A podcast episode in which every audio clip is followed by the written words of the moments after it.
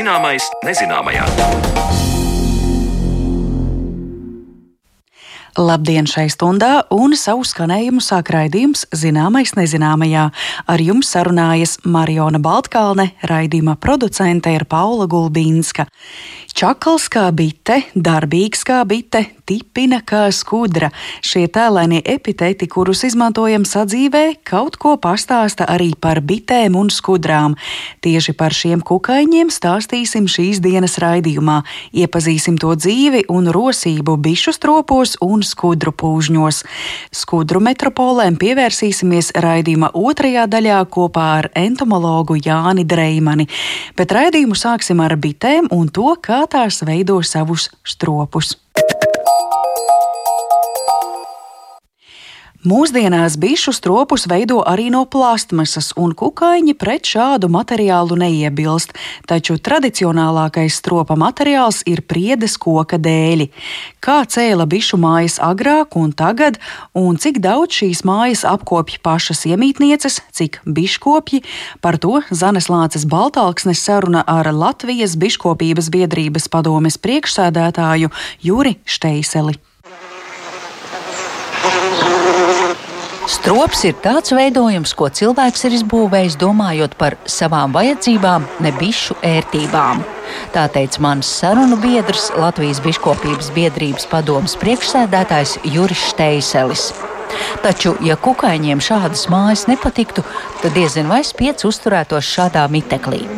Kā dzirdēsim sarunā ar biškopi, tad pūkainās medus nesējs mēdz iemājot gan mucās, gan arī skursteņos bet skatot uz cilvēka celtajām agrīnajām bišu mājām, vispirms iepazīsim dori, kokā izdobtu mājokli bitēm un auli, dobtu veidojumu spieta ķeršanai. Par to attālināti veiktā ierakstā stāsta Juris Šteiselis.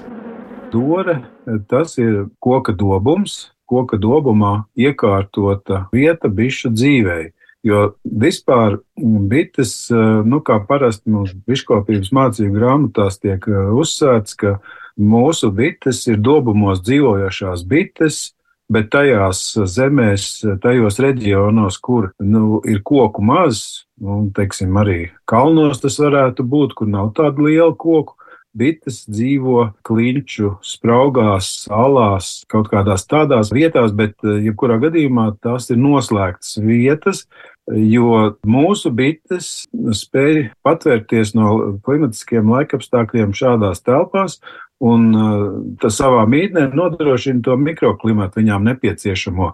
Lai gan tur ir viens bet, ārpus bišu kamola vai ārpus bišu ligzdas jau tā temperatūra, protams, ir līdzīga ārējās vidas temperatūrai, bet nu, tomēr temperatūras svārstības nav tik krasas un tā tālāk. Tad dori ir šis koka dobums, kas ir pielāgots bitēm. Tad, tad draunieks ir jau nedaudz padomājis, kaut ko varbūt paplašinājis, kaut dorei ir izveidota lielāka sprauga priekšpusē, lai piekļūtu bitēm. Savukārt aulis ir eh, tāds stumbra fragments, koka stumbra fragments, kurš ir izdobts līdzīgi kā dore, izveidot šis dobumiņš, bet aulis tradicionālā izpratnē ir paredzēts spietu ķeršanai.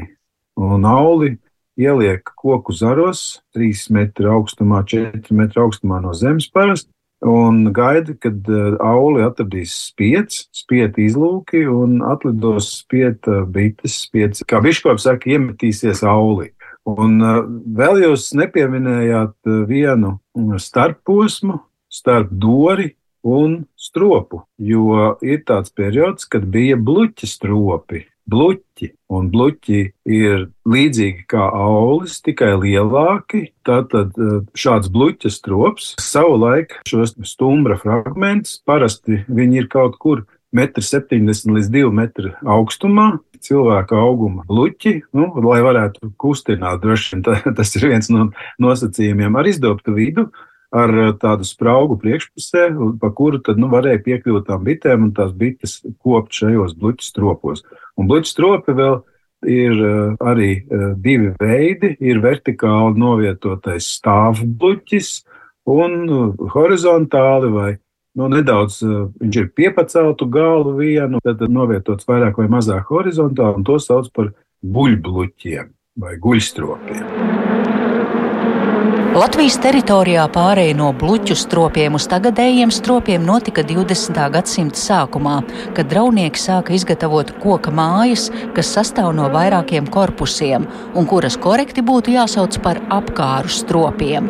Tas nozīmē, ka apkāra ir koka daļa jeb rāmītis, kas ietver bišu kāres jeb ar medu pildītās šūnas, tā skaidro Juris Steiselis. Un turpinājumā stāsta, kāda izmēra un kāpēc tiek būvēti šie apkāru stropi.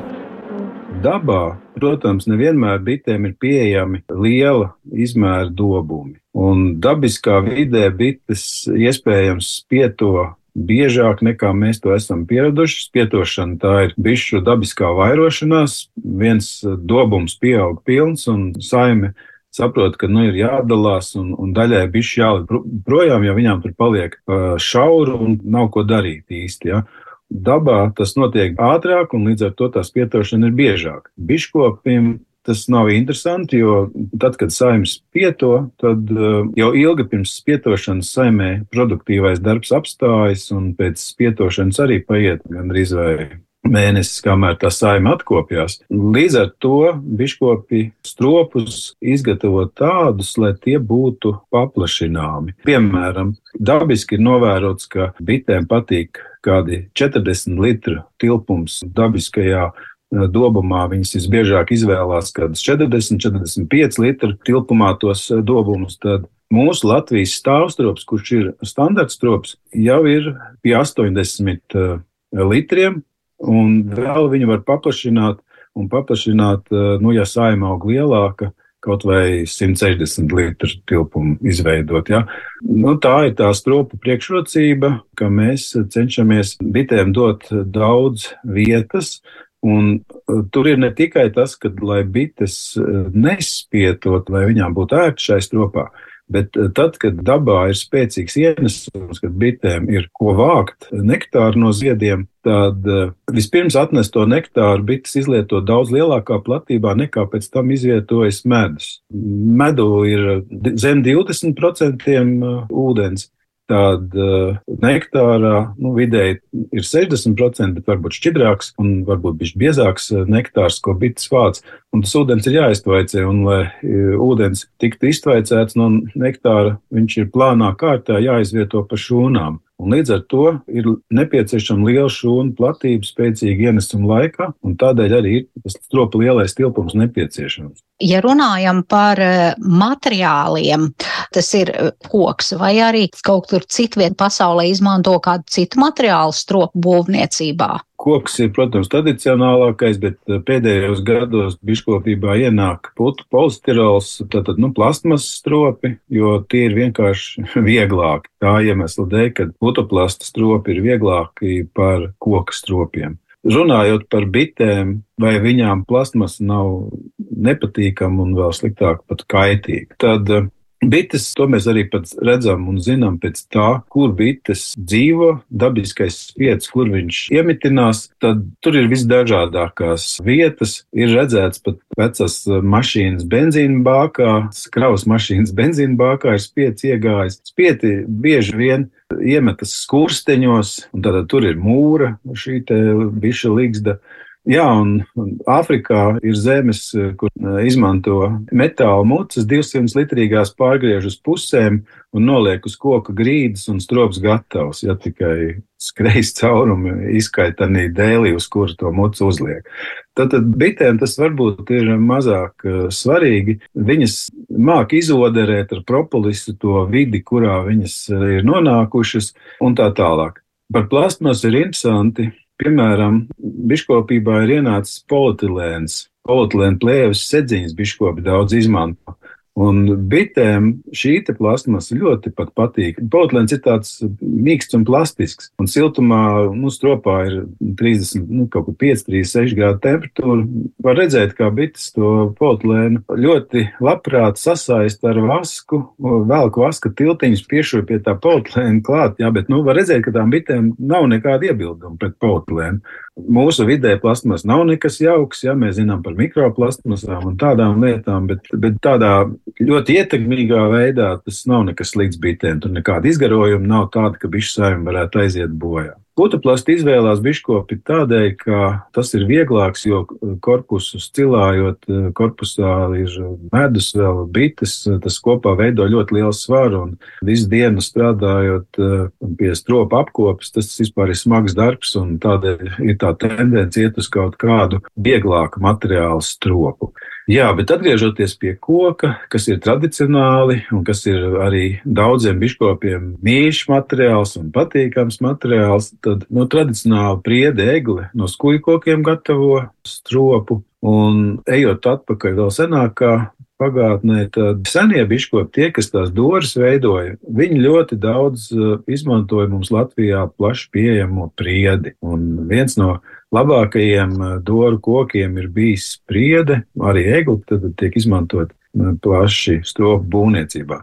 No daudziem viedokļiem labākais materiāls ir skuju koks, kvalitatīvs, bet, protams, diemžēl strops veidojas smags. Turpinot ielūkoties stropa iekšpusē, biškops stāsta, kā tur norit bišu dzīve gada griezumā, cik daudz dravnieks uztur stropu kārtībā un iepazīstina ar seno bišu māju apkopējām vaska kodēm. Ziemā saime apdzīvo kaut kādas 5, 6 līdz 7, 8 kārtas. Un tad pavasarī sākās tā kopšana ar to, ka vai nu to saimi sašaurina, ja to kāru daudzums ir par daudz priekš tās saimnes vajadzībām, vai atstāja un gaida, kad viņa pieaug blīvāk, pilna, un tad liek papildus kāras klāt un ļautai saimē izaugt. Kāpēc nevarētu atstāt pilnu ligzdu visu ziemu? Atkal skats nedaudz atpakaļ uz dabu un uz pagātni. Tad, kad dzīvoja bites dobamā, viņām nebija tā ligzda plašumā, jo koks ir vertikāls. Un līdz ar to arī līgsta veidojās vertikāli. Un bites sezonas laikā pārvietojās pa šo vertikāli. Pavasarī viņas atradās kaut kur augšpusē, bišu līgstē, jo medus bija visapēsts. Un vēlāk, medum nākot klāt, sāk ziedēt nektāra augi. Bišu saime pamazām tiek spiest uz leju, jo augšējā daļā krājās medus. Peru daļa lēnām, tur, kur ir jaunā bišu paudze, tā lēnām iet uz leju. Līdz visu vasaru, atkal nākošā ziemā, viņa apēda medu un lēnām seko medumu uz augšu. Nākošajā pavasarī lejā paliek liels daudzums kāru, kurās bites nedzīvo, kurās ir bijuši pēri, kuras ir ļoti laba vide vaska kodēm. Un tur iemetās tāds it kā kaitēklis vaska kode, kas patiesībā dara labu bitēm, jo viņas tās vecās tumšās kāras vienkārši apēda. Tā apakša tiek noēsta. Un bites atkal no augšas var vilkt jaunas šūnas, un tas medus viņas atkal spiež uz leju, viņas atkal iet uz leju. Un tā šī kustība vertikāli gadu no gada atkārtojās, un visas šūnas, kas ir liekas, vaska kodas, notiesā un atbrīvo bites no vecām šūnām. Un medainās šūnas tik ātri nenovecojās, ja tur nav bijuši pēri. Tāpēc tās augšējās, nu, tās nav, nav tik kritiski. Nu, lūk, un ja stropā mēs atstātu pilnu ar tām vecajām šūnām, tad arī stropā mums tās vaska kodas savairotos, un mēs nevarētu glābties no tām vaska kodēm, kas tās vecās šūnas tur utilizē. Līdz ar to mums rudenī ir jāatstāj tikai tik šūnas, tik kāris, cik bites spēj apdzīvot, tad mēs viņām dodam ziemas barību un zieminām līdz pavasarim. Pavasarī tātad mūsu apkopes darbs sākās ar līgstas paplašināšanu. Ja piecas kāras bija pavasarī, tad pamazām viņas pieaug līdz 15 kārēm, ja tas ir Latvijas stāvstrops. Ir populāri tagad 10 kāras, tad ir pirmajā stāvā, un tad nāk uh, medus telpas, kuras liek bitēm virs galvas, otrā, trešā, ceturtā stāvā liek medus telpas. Medus telpas var tur mainīt, ir pa laikam viņas jāpārbauda, vai ir pilnas, vai ir mazāk pilnas, jāņem nost, jādodas medu, izsviest medus sviedē, pēc tam atkal jādodas atpakaļ pie bitēm, lai viņas iztīra šīs medus telpas, izlaiza. Un tā līdz rudenim. Rudenī mēs noņemam visas medus telpas nost, tad mēs eh, atstājam atkal tik eh, kāras, cik bitēm ir nepieciešams, kur ir tie pēri, kur viņas ir jau vēlāk veidos ziemas kamoli piebarojam ar iztrūkstošo barību, jo mēs esam diezgan daudz atņēmuši malējās kāras ar barību, un tās pēru kāras nav diez cik bagātas ar barību. Iebarojam ziemas barību, nu un tad eh, kaut kad septembra beigās noraušana sviedras no pieres, viss darbi ir puslīdz beigušies.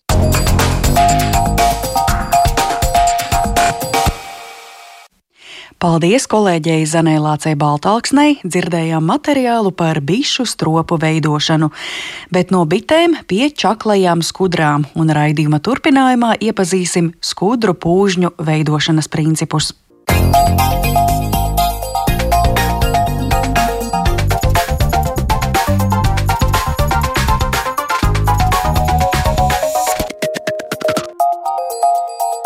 Zināmais nezināmajā. Latvijas Nacionālais dabas muzejs aicina iesūtīt fotogrāfijas ar lielākajiem skudru pūžņiem Latvijā. Šīs unikālās skudru metropoles var sniegties arī vairāku metru dziļumā zem zemes. Kā pūznis tiek radīts, kāda tajā ir sadzīve un kāpēc pūžņi skudrām ir vajadzīgi? To šodien vaicāšu Latvijas Nacionālā dabas muzeja entomologam Jānim Dreimanim. Labdien! Labdien! Jāni, sāksim tad ar muzeja aicinājumu iesūtīt fotogrāfijas ar skudru pūžņiem. Kāpēc tas būtu aktuāli? Kāpēc muzejs vēlas apzināt lielākos pūžņus Latvijā? Aktuāli tas ir saistībā ar to, ka mēs gatavojam izstādi par skudrām, kas būs šī gada beigās. Tas ir saistīts vienkārši nu, par to, lai iesaistītu cilvēkus, iet dabā, skatīties. Un arī viena lieta ir tas, ko mēs ieraugam muzeja entomologi. Nu, otra lieta ir tas, ka cilvēki varbūt pie viņiem ir tik liels, ko, pie kā mēs netiekam klāt. Tas ir kādā privātā īpašumā, un cilvēkam tas ir ļoti mīļš. Un var ar to Jā. padalīties. Iespējams, arī kāds izcils skudru pūznis tiks arī nu, attēls izvietots, protams, sazinoties ar viņu fotografijas autoru. Tā tad arī tas ir tāds tā kā apakšroma. Tad sanāk, ka izstādes ideja ierosinājums nāk no jums, no muzeja, bet tas, kas vizuāli būs skatāms, lielā mērā būs sabiedrības veikums. Arī skatāmais būs daudz kas no mums, bet maza puzlīte varētu būt arī sabiedrības veikuma mm. rezultāts. Mm -hmm. Te es jūtu, ka tas ir saistīts ar tādu iniciatīvu, kas vispār pēdējā laikā nāk no dažādām dabas organizācijām, tā saucamā sabiedrības zinātne, ka mēs iesaistām cilvēkus pievērst uzmanību tam, kas notiek dabā. Nu, mēs zinām, ir portāls dabasdati.lv, kur cilvēki sūta savas fotogrāfijas. Tātad būt tādiem aktīviem vērotājiem, skatītājiem, un es um, saredzu, ka šajā gadījumā tas ir kaut kas līdzīgs, vai ne? Jā, tas tā ir. Jā. Bet uh, pie reizes tad jautājums, kas ir kritērija lielākajiem pūžņiem? Tas ir pūžņa augstums, platums, skudru daudzums. Nu, skudru daudzumu neviens, kā teikt, nenogalina nogalinot tur visas skudras, nevarēs noteikt. Tā tad, jā, kritērija ir augstums sākot no 80 centimetriem. Nu, Es saprotu, ka cilvēkam arī ir savs mazais pūznīts, mīļš, dārza stūrī. Viņš var būt mīļš, viņš arī varētu sūtīt. Bet, nu, teiksim, lai pretendētu uz kaut ko lielāku, nu, kā teikt, lielākais pūznis, tad tomēr Tas varētu būt šāds. Protams, ir arī aicinājums tas, ka, lai cilvēks nekāptu šajā pūznī iekšā, vēlams pusmetra attālumā aptuveni stāvēt, tātad, lai mēs redzam cilvēku augumu, šis salīdzinājums, un tad nu, aptuveni arī tātad mēs varam būt skaidrībā par viņa augstumu. Tātad, tātad mietu nevajag spraust nekur pūznī. Pūzni bojāt nevajag lai nomērītu, vai ir tie 80 centimetri, tomēr būt jā. atstatus ja, no pūžņa. Tad, nu, pārējot pie tās bioloģiskās puses par uh, pūžņiem kā tādiem, uh, kur tad visbiežāk uh, skudras veido savus mājokļus? Mēs esam redzējuši mežā, bet vai tas ir tikai mežs? Nē, dažādām skudru sugām ir viņām piemērotas vietas, varbūt arī izvēlās dažkārt mazāk piemērotas vietas priekš sevis.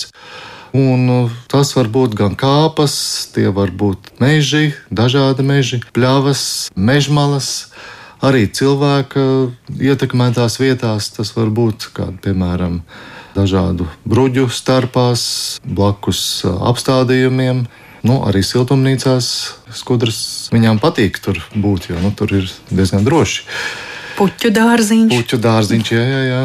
Kapi kapi. Jā, tiešām, nu, kā es domāju, kapi tie ir koki, iespēja pie kokiem vai kokos veidot savus pūžņus, savas līgstas, nu, un arī tiem, kas augsnē. Tā tad, nu, jāsaka, maz traucēta vieta. Nu, kā mēdz teikt, dabā nekas nav nepareizi, bet droši vien tad, kad eh, skudru pūznis izveidojas vietā, kur cilvēks veids kādu savu darbību, tur tas sāk kļūt mazliet sarežģītāk, vai ne? Kā piemēram sakopt dārzu vai kā apkopt kapus, ja tur ir iemeties liels skudru pūznis.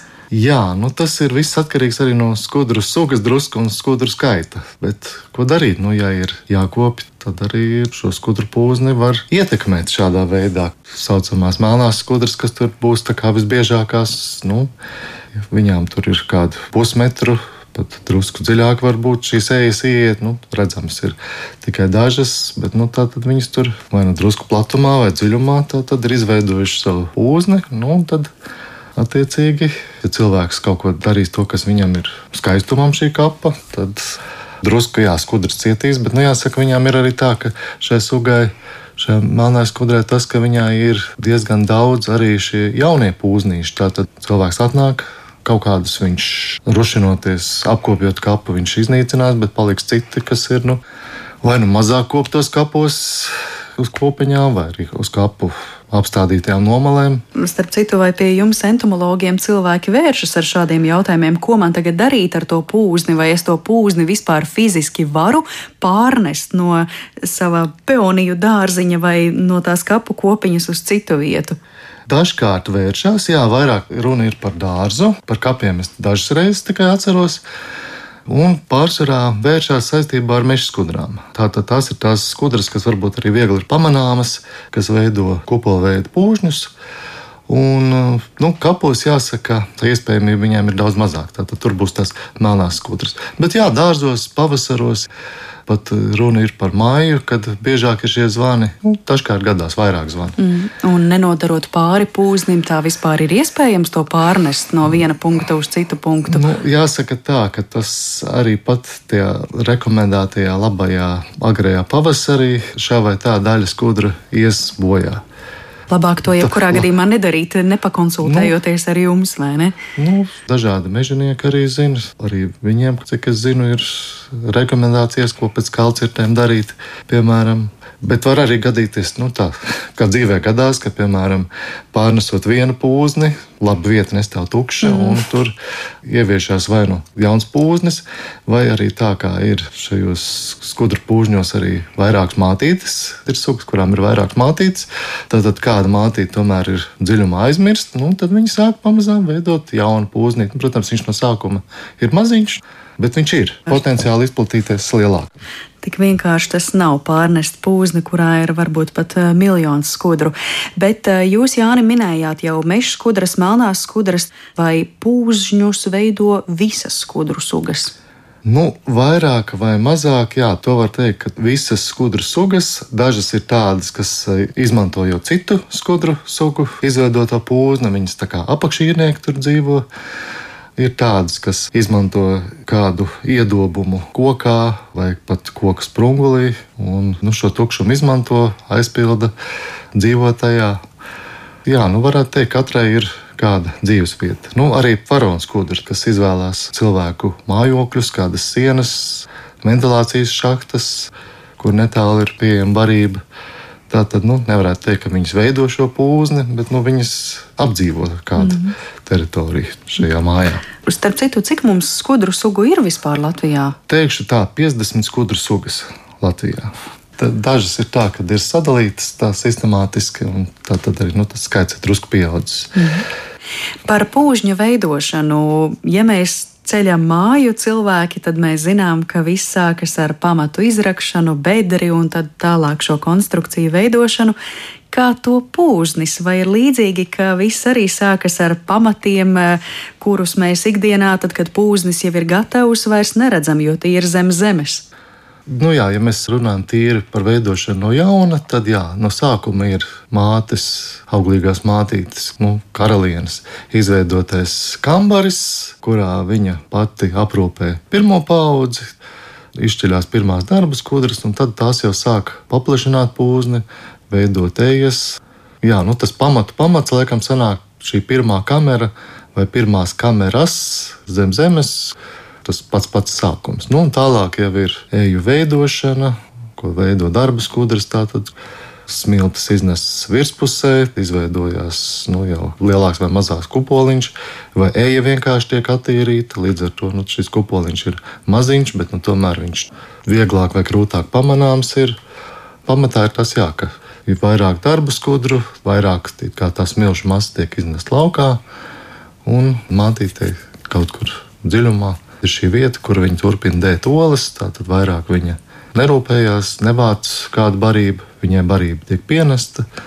Tad sanāk, ka tas uh, lielais uh, zemes uzbērums, ko mēs redzam zemes virspusē, tas proporcionāli atbilst uh, tam zemes smilšu daudzumam, kas ir izgrūsts no pazemes. Jā, nu, tur var būt arī apsets kāds cēlums, kāda daļa, piemēram, no kādas krituša koka, bet būtībā jā, tur ir saistība. Nu, Kalnu nogāzē varbūt viņš nebūs tik dziļš, viņš būs kaut kāds garāks, platāks. Bet, jā. Tad, ja mēs uztaisītu skudru pūžņa šķērsgriezumu, ko mēs ikdienā diemžēl neredzam, tad būtu tāds liels uzkalniņš zemes virspusē un tikpat liela rosība ar dažādām ejām, kamerām, kambarīšiem. Tas viss būtu arī zem zemes. Ja? Jā, protams, lielākā rosība tomēr ir pūžņa šajā virsējā daļā. Tur lielāks, biezāks šis eju tīkls ir, bet nu, apakšā tā tad arī ir ejas nostiprinātas ar dažādām skujām, dažādiem kādiem koku lapām, arī, kas ir uzkritušas virsū. Nu, sīkas daļiņas skudras var pienest klāt pašas, bet, teiksim, nu, kādus zariņus, kas uzkrīt vienkārši virsū, nu, tie tiek iestrādāti, nu, arī palīdz pūznim tā stiprumam pret lietu. Tātad, ja mēs eh, no skudru pūžņa virsējās virsmas noslaucītu skudru slāni, ko, protams, darīt nevajag un nedrīkst, tad vienkārši mums pavērtos skats ar, ar smiltīm, ar skujām, zariņiem, nu, dažādām kritaliņām. Jā, jā, jā, jā, jā. kādām augu sēklām tur vēl var būt vai nu, atliekām. Nu, jā, tā virsma būtībā tāda. Jā. Vesels mehānisms. Nu, principā tas arī atgādina stāstu par aizbergu, kuram ir liela neredzamā daļa zem zemes, vai jebkurā gadījumā ēku. Es pirmīt minēju šo ēku būvniecību. Jā, tā tad ēku, kurai ir daudz arī pazemes telpu vai autostāvvietu vai daudz kā cita par šo vietas izvēli. Ja mēs runājam par mežu, par pļāvu, par kapiem un par mazdārziņiem, bet, eh, nu, ja mēs iztēlojamies mežu, vai ir tur vēl kādi specifiskāki kritēriji, ka lūk, tieši šajā konkrētajā punktā tā darbība zem zemes un pēc tam virs zemes sāksies? Es jums to jautāju tādēļ, ka Pirms daudziem gadiem bioloģijas olimpiādē es izlasīju tādu teikumu, ka skudras veido pūžņus uz āderu krustpunktiem. Un es ļoti daudzus gadus par šo esmu domājusi, cik tur daudz ir bioloģija vai ezotērika. Tad, nu, Jāni, es jums šajā reizē arī to pajautāšu, vai skudru pūžņi tiešām tiek veidoti uz āderu krustpunktiem kaut kādos īpaši enerģētiskos punktos. Nu, es to varbūt nesaistītu ar enerģētiskiem punktiem gluži, bet tur ir saistība ar drusku to, ka ir kaut kāds mitruma režīms. Un, nu, kas ir svarīgi pūznim, arī tas, lai viņu apspīd saule. Tātad vairākas stundas dienā šiem mežskutru pūžņiem vajadzīgi tas, lai ir saules šis siltums, tas, kas pūzni uzsilda. Arī citām skudrām tātad tas ir siltuma nodrošināšanai svarīgi. Teiksim tā, ne visi pūžņi atrodas uz ādaru krustpunktiem bet eh, daudz pūžņu atrodas uz šiem krustpunktiem.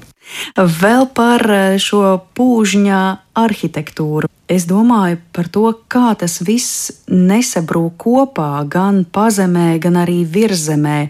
Tad jautājums, vai šie daudzie zariņi, skujiņas, sēklas, vai tas vienlaikus kalpo arī kā tāds arhitektūras elements, lai visu to nostiprinātu? Jā, nu būtībā veidojās daudzas tādas tā kā arkas, un attiecīgi tas neļauj šim pūznim tik viegli, tik ātri saplakt. Nu, teiksim, pavasaros, protams, jā, sniega sēga, mitrums, skudras tā tad nu, nav atjaunojuši, nav kaut ko taisnojuši, nostiprinājuši. Šis pūznis salīdzinoši ir drusku saplacis pavasara sākumā. Bet Nu, tad, kad skudras iznāk, viņas arī drusku šo pūzni izveido pat pavasarī stāvāku, lai viņš labāk uztvertu saules siltumu. Pēc ziemas mazliet tā arhitektūra, tā konstrukcija ir saļodzījusies. Ja? Nu, droši vien nokrišņi ietekmē. No, nokrišņi, sniegs, mm. kūstošais. Bet nu, skudrs izkļūst ārā un tas neļauj pūznim tā gluži sabrukt skaidrs par šiem balsta elementiem, bet vēl es domāju, ka, ja mēs tā vienkārši paskatāmies uz skudru pūzni, varētu likties, nu, tas tāds milzīgs muģeklis. Bet atkal, ja mums būtu iespēja uztaisīt šķērsgriezumu skudru pūznim, vai tur atklātos arī, piemēram, nu, kādas istabas nodalījumi, kambarīši, kur tikai kādas atsevišķas skudras dzīvo, cik mums daudz ir zināms par to. Nu, ja mēs uztaisītu tādu smuku šķērsgriezumu, pavērtos tādi lielāki vai mazāki punktiņi. Jo būtībā ir tas, ka šīs ejas nu, nav tādas smukas tā kā mūsu stāvi, nu, tomēr šīs ejas iet augstāk, zemāk, labi kreisi. Nu, nosacīti ir ejas tā, ka skudras var iet, arī samainīties vietām. Kambarīši ir arī nu, tā, tad, jā, kur var sajiet vairākas skudras jā, daudzos zīmējumos vienkārši, lai pastāstītu, tiek parādīts, ka šis kambarītis ir ļoti augsts. Nu, vienkārši tas, lai mēs viņu varētu redzēt. Bet, nu, varbūt pat viņš vairāk drusku ir ne tik augsts, cik viņš ir plats.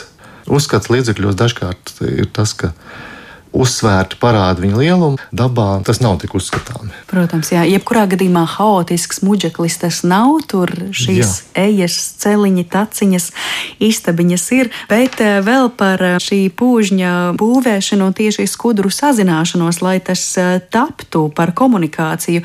Man nesen bija arī saruna ar jūsu kolēģi, entomologu Uģi Piterānu. Mēs runājām par kukaiņu komunikāciju un savstarpējām attiecībām. Un Uģis minēja, ka šo skudru darbošanos pat apbrīno pilsētu plānotāji, jo atšķirībā no ielām, kas ir pilnas ar mašīnām un kur mēdz notikt eh, sadursmes, skudras šajā pat šķietami haotiskajā muģeklī pūznī nesaskrienas. Vai ir zināms, kā tas ir iespējams, kā tās cita citai dod signālus, ka nē, tagad šī taciņā ir mana un tu te nenāc? Jā, nu, skudrām ir uz taustakļiem tāds Johnstone orgāns. Tiek domāts, ka tas ir atbildīgs tīri par šo nesaskriešanos un arī požņu iekšpusē, tumsas apstākļos, un nu, ka viņas jūt šo ejas izmēru un nu, visu laiku nenotiek tā taustīšanās. Nu, jā, skudrām ir tas, ka nosacīta ir taka uz pūzni, taka no pūžņa, tātad uz barības objektu. Nu, un, ja šīs barības ir daudz, piemēram, tad tiek izveidota vēl viena josla, kas nes objektus uz pūzni. Tad, kad vairāk tas nav vajadzīgs, tad atkal ir viena josla katrā virzienā. Jā, cilvēks skatās, cilvēks pēta, bet nu, cilvēks ir varbūt drusku egoistiskāks. Cilvēks var izvēlēties dažādus maršrutus, viņam nepavisam nevajag iet vienu maršrutu no punkta A uz punktu B. Tomēr cilvēkiem intereses ir dažādas, bet nu, jā, šādi pētījumi ir tas Johnsona orgāns attiecās uz to, ka, kāpēc neskrien iekšā sieniņās, pūznī. Un tie ir tā saziņa, kur skudras ies šo ceļu. Tā ir atkal skudra izdalītā smarža un šīs smaržas uzsveršana. Nu, pašas viņas jūt to, ka, lai neveidotos acīm redzot gara rinda vai kā, kad vajag uztaisīt vēl vienu papildus.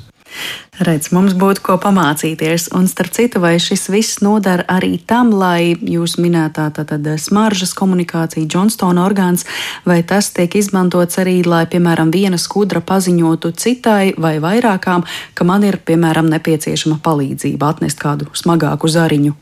Jā, tas ir tātad ar smaržu. Es pat neteiktu, ka zariņu drīzāk tīri pa barības objektu. Tā tad izdala smaržu par to, kur atrodas barība. Teiksim tā, un tā, kas nāk nu, perpendikulāri, piemēram, pienāk pie šīs takas, kur skudra šo smaržu ir izdalījusi, tad viņa pastāv arī iespēja, ka viņa aizies uz tā saucamo požņu pusi, nevis uz barības objektu pusi. Bet tad, kad viņa aizies līdz poznim, viņa secinās, ka kļūdījos, jāiet pretējā virzienā. Un tad ies, un tad, nu, jo vairāk ir pieejama šī barība, jo intensīvāk šī smarža iezīmējās. Tad, kad atkal barības objekts attiecīgā vietā apsīks, tad arī šīs takas smarža izgaisīs, izgaros un vairāk nebūs aktuāla. Bet ar darbu skudrām pašām tad jātiek galā. Par pūžņā būvēšanu jūs minējāt jau mātītes karalienes, bet tajā tālākajā procesā visas skudras iesaistās. Tur ir karalienes, ir dažādas šīs jā, hierarhiskās grupas. Jā, jā, jā tā tad nu, nosacīt var pieņemt tā, tā tad ir mātīte karaliene, auglīgā mātīte. Ir tēviņi, kas tā tad ir otra, nu, sauksim to par kastu, kura pūzni uzturās ļoti īsu laiku, būtībā ola, kāpurs, kūniņa un pieaugušais kukainis. Tātad nu, tēviņš attīstās, un pūznī viņi netiek atpakaļ uzņemti. Un trešās un absolūti daudzskaitlīgākās ir darba skudras, kuras pēc dzimuma ir mātītes. Ir nu, dažādi darbi, dažāda nodarbošanās, ko viņas dara. Pēc vienas sistēmas ir tā, ka jaunākās, nesen izšķīlušās, dara dažādas uzdevumus iekšā pūznī. Tātad tas ir uh, olu pārnēsāšana, kāpuru pārnēsāšana uz uh, citiem kambariem, un arī viņu barošana, kūniņu pārnēsāšana. Tātad nu, kūniņš šīm meža skudrām salīdzinoši tuvu pūžņu virspusē, vissiltākā pūžņu daļā. Ja nepieciešams arī kādu beigtu skudru, kas ir nomirusi, iznest ārā. Otrs, teiksim, jau ar lielāku pieredzi un arī lielāku dzīves stāžu, ir tuvu pūžņu virspusē, tātad dažādi darbiņi, apkārtne, kaut ko jau meklēt. Un nosacīta visvecākās un arī ar vislielāko pieredzi, tās ir tās, kas staigā un meklē dažādus barības objektus. Šīm mežskudrām ir līdz kādiem 200 metru attālumam. Viņas var meklēt šo barību. Nu, bieži vien tas kā barība ir kaut kur mežā, mežmalā tuvāk. Tad nevajag veikt šos visus 200 metrus pamatā pūznim, bet nu, jā, ir tādas, kas līku loču steigā meklē kādu barības objektu, un tad, kad ir atrasts, tad pa taisnāko ceļu dodas atpakaļ uz pūzni, arī tā tad ar smaržu šo iezīmējot. Jā, ir pat par to būvniecību. Nosacīt šīs jaunākās skudras arī ir tās, kas, kad ir karsts laiks, tad nu, viņš šīs ejas drusku iztaisno, lai labāk veidinātos pūznis. Ja ir lietains periods, tad var uztaisīt kādu papildus līkumiņu, lai šis siltums tik ātri nepamet pūzni. Nu, jā, tās ir tās arī, kas iekšā veido šīs ejas, roka taisno tā vesela darbu dalīšana. Par šo kādu priekšmetu nešanu vai vispār kaut kā iznešanu, ienešanu, kā skudras to izdara ar saviem taustekļiem, ar priekškājām. Tātad skudras nes ar žokļiem. Žokļi viņām ir ļoti svarīgi. Var gan nest dažādus objektus, gan smiltis iznest ārā, smilšu kādas piciņas, gan ienest iekšā nu, dažādu barību. Arī kad notiek kāpuru, kūniņu, arī olu pārnešana, pa vairākām uzreiz tās tiek nestas.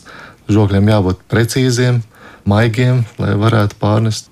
Priekšpūžņa aizstāvēšanas atkal žokļu nu, šis spēcīguma aspekts ir svarīgs. Tā tad nu, aizsardzība, nograust pretiniekam kāju, taustekli.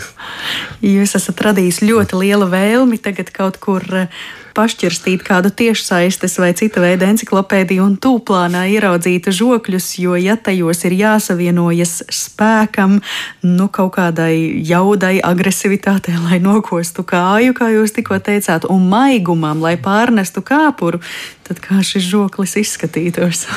nu, jā, nu, ir arī tā, ka jā, ir skudru sugas, kurām ir. Nu, nosacīt viņas par vergu, tur var saukt. Tātad ir skudras, kurām ir ļoti labi attīstīta tieši šī spēka īpašība žokļiem. Un tas, ka viņas nevar aprūpēt pašas savus pēcnācējus. Tātad mātes izdātās olas, kāpurus, un līdz ar to viņas zog no laupa, no citu skudru pūžņiem, no citu sugu skudru pūžņiem kūniņas vai skudras un nes uz savu pūzni. Tās, nu, kad ir izšķilušās no kūniņām, tās uzskata, ka šis pūžnis ir viņējais un dara it kā tas būtu viņējais. Tātad kāpuru, oliņu, kūniņu pārnēsāšana, kāpuru barošana. Nu, ir arī šādas skudras, kas tā mēdz darīt. Bet eh, vienai ja skudru sugai ielausties citas sugas pūznī, tas ir tā vienkārši. Nē, notiek cīņas, ir upuri, bet nu, jāsaka, tā tad nu, šīm skudrām, kas uzbruk, kas ir drusku lielākas, viņām šis mērķis izdodas. Mm. Šī laupīšana izdodas. Un tad tajos uzbrukumos nodara tā žokļa funkcija, ko jūs pirmīt minējāt, tā kāja nokošana. Ja? Nu, jā, nogalināšana. Jā. neutralizēšana pretinieka. Jā. Mm.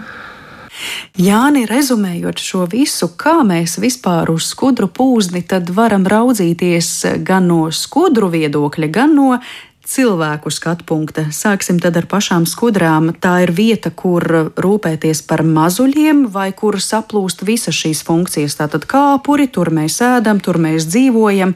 Kam skudrām tas ir nepieciešams?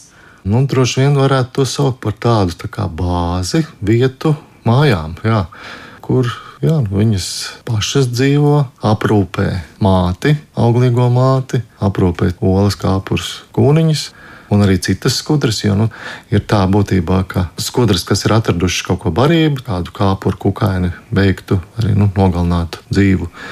Vai arī kādus laputu izdalījumus, tad viņas nes uz pūzni un nodod to tur esošām, iekšā esošām skudrām. Tad iekšā esošām skudrām nav jāiet ārā, lai sameklētu barību. Viņām arī tiek atnesta šī barība. Jo mēs nu, jā. zinām, ka skudras, protams, dzīvo arī ārpus pūžņiem, bet tad visa šī sadzīve, aprūpe nu, par mazuļiem, barošanās, tas viss ir krietni efektīvāks pūžnī vienkārši. Jā, jā, jā. Nu, būtībā tā ir tā liela daļa skudru, upurē savas vajadzības, lai varētu izdzīvot pūznis. Tātad labāk ir, ka viena vai dažas mātes dēļ olas, no kurām tātad kāpuri un kūniņas un darba skudras attīstās nekā katra dētu savas olas, tad vajadzētu iet katrai meklēt barību. Aprūpēt, pabarot kāpurus. Nu, liela daļa upurējās, lai auglīgi būtu viena, bet nu, labums visiem individuāla resursu taupīšana, lai beigu beigās efektu iegūtu lielāku. Jā, nu tā tas tā ir. Jā. Labi, par eh, skudru šo skatu punktu skaidrs. Ja mēs paraugāmies no cilvēku skatu punkta, no tāda ekoloģiskā viedokļa, vai tas arī ir nozīmīgi, nu, varbūt pat ne mums cilvēkiem, bet vispār videi, dabai kopumā, ka šādi pūžņi ir? Meža skudra pūzni, protams, saistās ar to, ka skudras vācot barību, iznīcina daudzus kukaiņus, kas potenciāli būtu nevēlami cilvēka audzētiem augiem. Laputis tā tad ir šie kukaiņi, jā, kas uz dažādiem augiem būs. Jo nu, skudrām patīk, ka šīs laputis sūc augu sulas, un pēc tam tā, nu, skudras no šīm laputiem var šīs sulas dabūt. Bet nu, daudzi citi kukaiņi cieši no tā, ka skudras vienkārši viņus ņem un apēd. Nu, arī daudz kukaiņu kāpuri, teiksim, mušu, tauriņu kāpuri, arī vaboļu kāpuri. Nu, viņu skaits samazinās dēļ tā, ka skudras vienkārši iet viņus un vāc, paņem, sasmalcina, apēd, izbaro sugas māsām. Un tur arī tas ir tas, ka daudzi no šiem kukaiņiem un kāpuriem, ko viņas apēd, ir masveidā sastopami kukaiņi kukaiņu sugas. Un līdz ar to arī tām sugām, ko viņas apēda, skudras ļoti labi pielāgojas. Ir, pieņemsim, tauriņu kāpurs. Šie tauriņu kāpuri ir daudz. Skudras uzreiz dodas uz šiem augiem, uz kuriem šie kāpuri dzīvo, kaut ko arī apgrauž.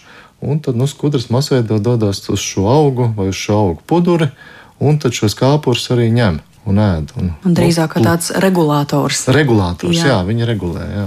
Tā. Un to, ka to kāpuru tur ir pa daudz, tas atkal tiek sajusts ar orgāniem, ne, feromoniem? Nē, to, ka viņi daudz tos skudras konstatē. Vienkārši viņas atnāk, ah, ir viens, o, ir vēl otrs. Bieži vien arī, nu, teiksim, uz kaut kādām koka mizām ir tā, ka, piemēram, ir kāpuri, bet visiem nav vairs vietas, kur paslēpties. Līdz ar to viņi kļūst viegli pamanāmi, viegli atrodami un skudras nu, tā tad barā. Viņām ir interese savas takas virzīt uz šo augu puduri, uz šo koku, pa ceļam vēl kaut ko atrod, kādu kāpuru, un tā regulē arī šo skaitu. No nu, skaidrs. Noslēgumā gribētu pieskarties eh, faktoram, kas mums te jau ik pa laikam sarunā ienāca. Mēs runājām par pūžņu veidošanu vietās, kur ir varbūt izteiktāka saules gaisma, arī neliels mitrums nepieciešams. Arī par nokrišņiem mēs runājām par to, kas tad pūznim visvairāk kaitē. Es domāju, vai visvairāk nodara pāri tiešām šie fizikālie faktori, lietus, sniegs, piemēram, ziemas laikā, vai pūznis tam pielāgojas un lielāks kaitējums ir cilvēka rīcība. Nu, nav gluži tā, ka tikai cilvēks. Nu, teiksim, ir arī tā, ka dažiem zeņveidīgiem putniem patīk pabaroties, un viņi var nu, tīri nostāties uz pūžņa virsmas. Meža zvēru kādas jā, ietekmes? Jā, tīri kā barība, lai iedziestos ar skudru skābi, arī lai dezinficētu savu ķermeni. Arī, nu, piemēram, meža cūkas var vēlmē pēc skudru kūniņām, var ārdīt pūzni. Un, nu, ja uznāk lietus drīz pēc tā, tad pūznis var pārplūst. Tāda iespēja pastāv. Nu, Piemēram, pēc ziemas vai liels sniega daudzums var arī nodarīt kaitējumu. Teiksim tā, pūžņiem, kas atrodas kādās ieplakās, nu, ir izveidota, teiksim, vasarā izveidots kādā ieplakā, un šī ieplaka ir vairākas nedēļas zem ūdens. Jā, var notikt tā, ka pūznis pārplūst. Līdz pāris nedēļām tur tik dziļi neiesūcās, ja tas ūdens vairāk nav. Nu, tur ir vairāk gadījumu konstatēti, jā, vairākas nedēļas pūznis bija zem ūdens, bet pēc tam skudrs veiksmīgi dzīvo tālāk. Bet, ja ir vairāk kā pāris nedēļas, nu, tad jau iestājās arī riska faktori. Tas, ka iesūcās dziļāk, ūdens nogalina, pārpludina ziemojušās skudras, līdz mātei var tikt nu, ar lielāku varbūtību. Bet tīri par kaut kādu, teiksim, šī meža cūkas darbiem, jeb nedarbiem, tad ir tā, ja tas jau attiecās uz silto gada periodu, uz pavasara beigām, uz vasaru, kad ir šīs kūniņas. Un tad, nu, kad uznāks kāda lietus, nu, tad attiecīgi šī struktūra ir izjaukta. Skudrs vēl nav atjaunojis šo pūžņu, bojāto daļu. Nu, tad, ja pārplūst, ja iekļūst šis lietus atkal ieplakā kā piltavē dziļāk, nu, tad pārplūdums un nav labi apstākļi. Nu, var arī gadīties tīri tas, ka, piemēram, ir pūznis izveidots vienā vietā un aizaug kāda koka priekšā. Tas arī nu, ir kā noēnojums uzreiz, tad, nu, ja neatrod jaunu vietu, jo nu, pūznis arī var drusku pārvākties par metriem, tātad uz labvēlīgāku vietu. Bet šajā ziemās, ja pārplūšana nenotiek un viss ir nu, tādās normas mhm. robežās, tad uh, vispār ziemā pūznis turpina aktīvi darboties arī zem tādas mērenas sniega kārtiņas. Mm, nē, nu, teiksim tā, tas ir ziemas tā kā miera periods. Nosacīti ir tā, ka mātes ir eju dziļākajās daļās, pūžņu kambara dziļākajās daļās.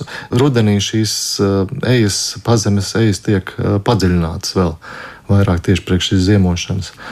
Un darba skudras, viņas ir piepildījušas šīs ejas, kas ved uz mātes sejām, viņas ir sagājušas dziļāk. Nu, un tad tur drusku, kur ir tas limits, vai 5, 6, 7 grādi. Tātad zem zemes viņas kopā izveido tādu siltu masu un ziemo. Ziemo, jā, tā varētu teikt. Ļoti, ļoti plašs un daudzveidīgs ir šis organisms, eh, skudra pūznis, ko var tikai apbrīnot. Paldies jums, Jāni, ka jūs ievedāt plašāk šajā skudra pasaulē un daudz labāk izskaidrojat, kas tur galu galā notiek. Un tad mēs tikai varam eh, aicināt eh, piedaloties Latvijas Nacionālā dabas muzeja iniciatīvā. Meklējam Latvijā lielākos skudru pūžņus, būt saudzīgiem pret pūžņiem, neizpārdīt tos, netaisīt uz savu roku pašrocīgi skudru pužņu šķērsgriezumus, bet tā tad eh, sūtīt fotogrāfijas un iespējams kaut kas no tā tad nonāks arī dabas muzeja veidotajā izstādē gada beigās. Atgādiniet tikai līdz kuram brīdim šīs fotogrāfijas var sūtīt. Tā tad sūtīt var fotografijas līdz 31. jūlijam. Gaidīsim un aicinām cilvēkus būt atsaucīgiem būt dabas vērotājiem un arī tādas sabiedriskās zinātnes veidotājiem. Atgādināšu, ka šodien zināmais nezināmajā studijā viesojās Latvijas Nacionālā dabas muzejā entomologs Jānis Dreimanis.